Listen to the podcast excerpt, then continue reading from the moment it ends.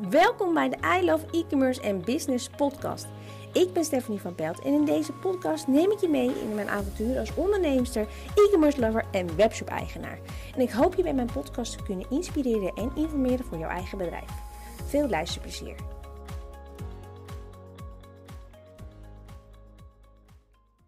Leuk dat je weer luistert en kijkt naar een nieuwe video podcast. In deze video podcast wil ik wat meer mijn visie over webshops delen.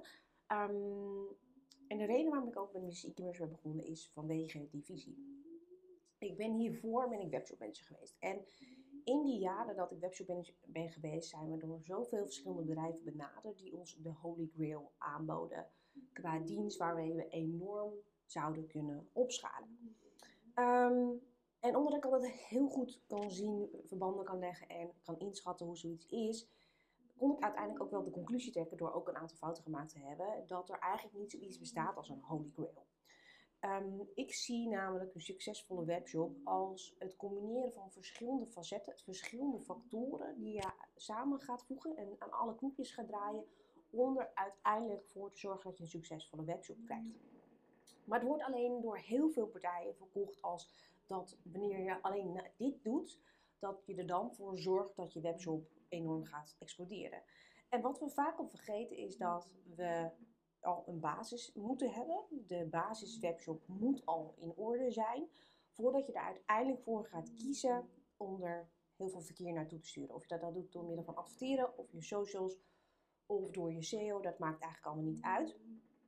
Als namelijk die basis niet goed is van die webshop, als je namelijk in de basis eigenlijk een lekke emmer hebt, dan kan je al die mensen er maar naartoe blijven sturen, maar dan zal je zien dat je geen enkele euro meer gaat verdienen, omdat je die mensen eigenlijk meteen weer wegjaagt. Ik zie zo verschrikkelijk veel webshops die überhaupt al niet eens hun voeter in orde hebben. En je voeter is dus dat balkje uh, onderin je webshop. En die voeter moet je eigenlijk zien als een informatiepunt waar iemand naartoe gaat Um, als je informatie zoeken over een bestelproces. Je moet het dus eigenlijk zo zien dat elke consument die op een website komt, is iemand, dus zo moet je het eigenlijk benaderen, is iemand die niet precies weet um, hoe het product in elkaar steekt en hoe ze kunnen bestellen. Ze kennen jou mogelijk nog niet. Kijk, de grote partijen bij wie we allemaal wel besteld hebben, die hebben daar geen last van. Maar als jij niet zo heel groot bent, moet je elke consument benaderen als het feit dat ze jou nog niet kennen. En dat je dus als een dummy ze moet behandelen. Je moet zorgen dat alle informatie zo goed mogelijk vindbaar is. En dat je zoveel mogelijk vertrouwen geeft. En dit is dus iets wat je dus bij heel veel webshops dus eigenlijk helemaal niet ziet. Je ziet dat in die voeter dat er uh, een paar linkjes staan, maar niet alle informatie. En we zijn zo geneigd om alle informatie die we hebben in de veelgestelde vragenpagina te stoppen. Maar we zien dus ook heel vaak dat die veelgestelde vragenpagina, dat die helemaal niet gezien wordt door mensen. Um, en dat uh, als we snel wat zoeken, we eigenlijk meteen willen zien van oké, ik wil weten wat de verzendkosten zijn. Oké, ik moet een kopje verzendkosten zien. En al die pagina's worden dus niet gesplitst in in de voeter. En dat is dus bijvoorbeeld al een zo'n vertrouwensdingetje, waar het dus vaak misgaat. En als je dan ervoor gaat kiezen om in zo'n Holy Grail, zo'n gouden berg te gaan stappen die iemand je aanbiedt, dan is de kans dus heel aannemelijk dat uh, je nog steeds misschien wel meer verkoop gaat krijgen maar dat je conversiepercentage technisch nog enorme verbetering kunt treffen, omdat die basis niet in orde is. En dat is ook de reden waarom ik altijd in mijn webinars zeg, en als je bij mij mijn training voor adverteren volgt, zorg dat dat nou in orde is, want anders gaat het je gewoon geen reet opleveren. Je kunt geen succes behalen als de basis niet klopt. Want zou je zelf namelijk ergens wat gaan bestellen als je het niet vertrouwen geeft? Nou, als je dus teruggaat naar mijn visie, ik ben 100% fan van adverteren. Als je echt wilt opschalen, die basis is goed, dan is het eigenlijk een kwestie van meer bezoekers maar naar die webshop toe sturen. Daar is adverteren gewoon fantastisch voor. Je kunt makkelijk je doelgroep bereiken, je kunt uh, um, uh, het is eigenlijk nog nooit zo makkelijk geweest om je bezoekers heen te krijgen en je kunt ook de data sturen. Maar er zijn nog meer factoren waaraan we kunnen draaien, aan welke knopjes we kunnen draaien, wat we kunnen doen om die webshop te laten groeien. En als je nou 100% inzet op adverteren, maar je laat eh, de andere stukken liggen, de organische stukken, dan heb je eigenlijk een heel ongezond bedrijf.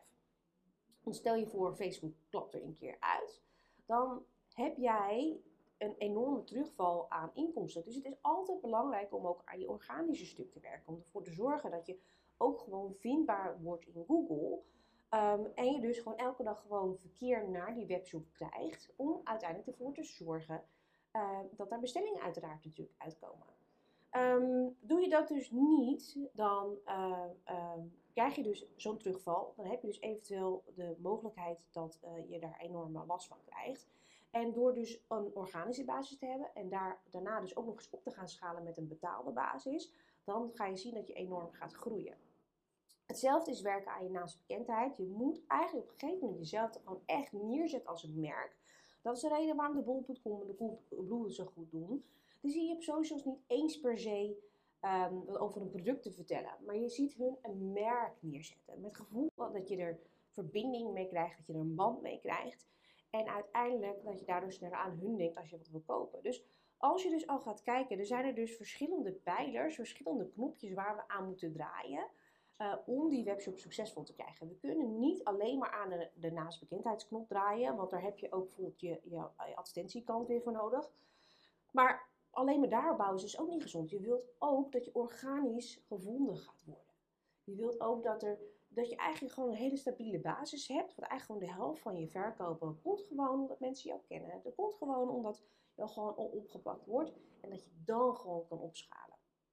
Dus het is altijd heel erg belangrijk dat als je bepaal, gaat kijken van oké, wat moet ik nou doen om mijn webshop te laten groeien? Dat je heel erg gaat kijken waar in deze lijn valt die. Is dit voor mij nu het juiste moment?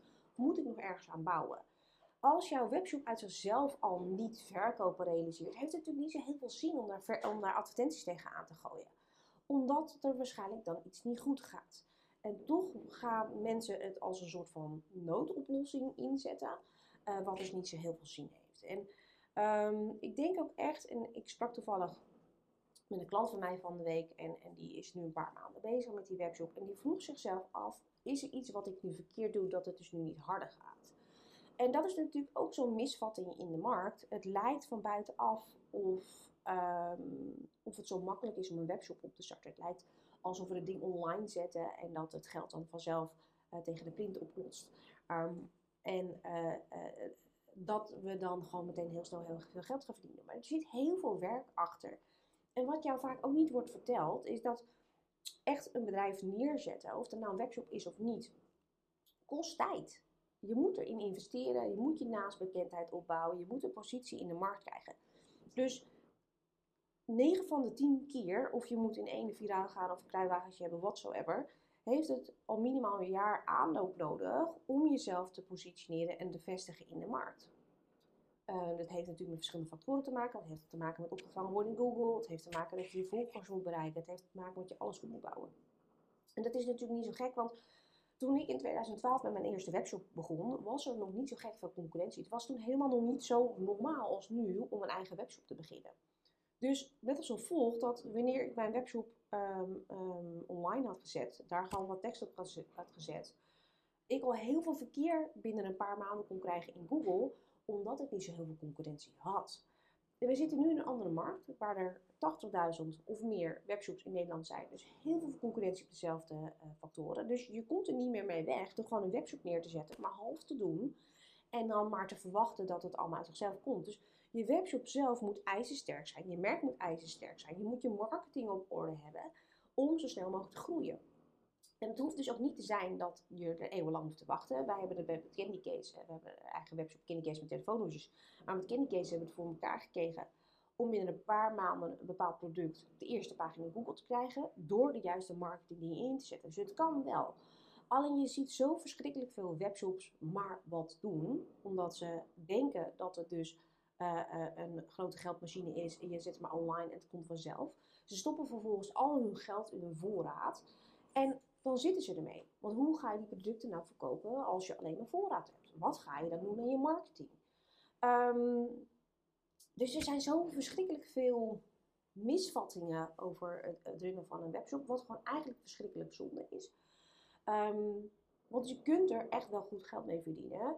Alleen de meeste webshops, en daarom zijn ze ook de ene grootste groep afhakende ondernemers in Nederland. En de meeste webshops hebben niet die lange adem om te wachten of om eraan te werken. Je moet dus niet wachten, je moet eraan werken om, uh, om die webshop succesvol te krijgen. Dus je moet aan de slag met je SEO, met je content. Je moet je productfoto's op orde hebben. Je webshop moet op orde zijn. Je klantenservice moet op orde zijn. Je socials moet op orde zijn. Je, je uh, productteksten moeten op orde zijn. Um, alles moet van A tot Z kloppen. En dan moet het voor jou het punt zijn om te zeggen: ik ga daar nog in opschalen. Er komen nu bestellingen binnen. Uh, ik ga aan de slag met bijvoorbeeld advertenties. Dus er zitten hier zo verschrikkelijk veel misvattingen. En dat is zo verschrikkelijk zonde. En als je dus gaat kijken van oké, wat is dus mijn visie op de markt? Um, ik denk dat er heel veel webshops zijn die niet eens weten wat ze aan het doen zijn. Um, er wordt altijd heel veel geklaagd over dat er zoveel coaches zijn in Nederland. Uh, want dat is booming, heel de media valt erover.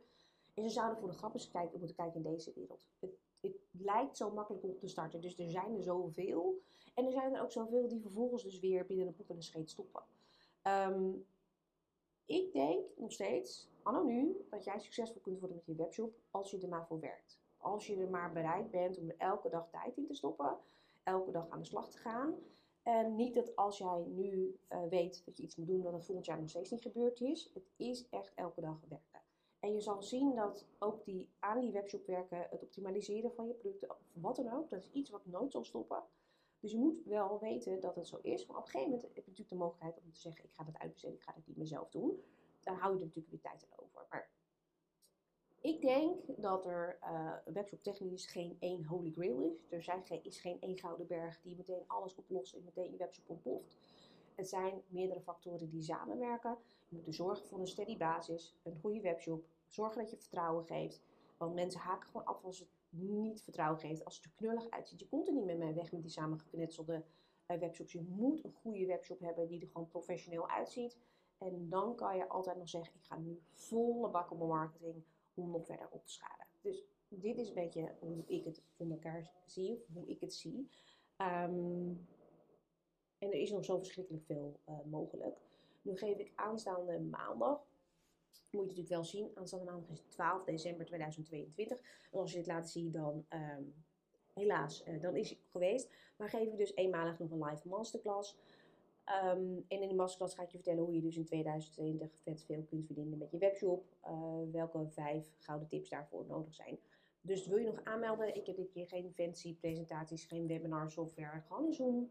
Uh, geen fancy inschrijfpagina. Dus het linkje wat je hier onder in de beschrijving vindt, is heel clean, heel uitgebreid. Ik ga het een keer anders doen. Uh, dus mocht je erbij zijn, je luistert dit dus op tijd, dan nodig ik je graag uit. Mocht je nou meer willen weten over een succesvolle web webshop, ik zal ook het linkje naar mijn e-book delen voor meer informatie. Bedankt voor het luisteren en voor het kijken en tot de volgende keer.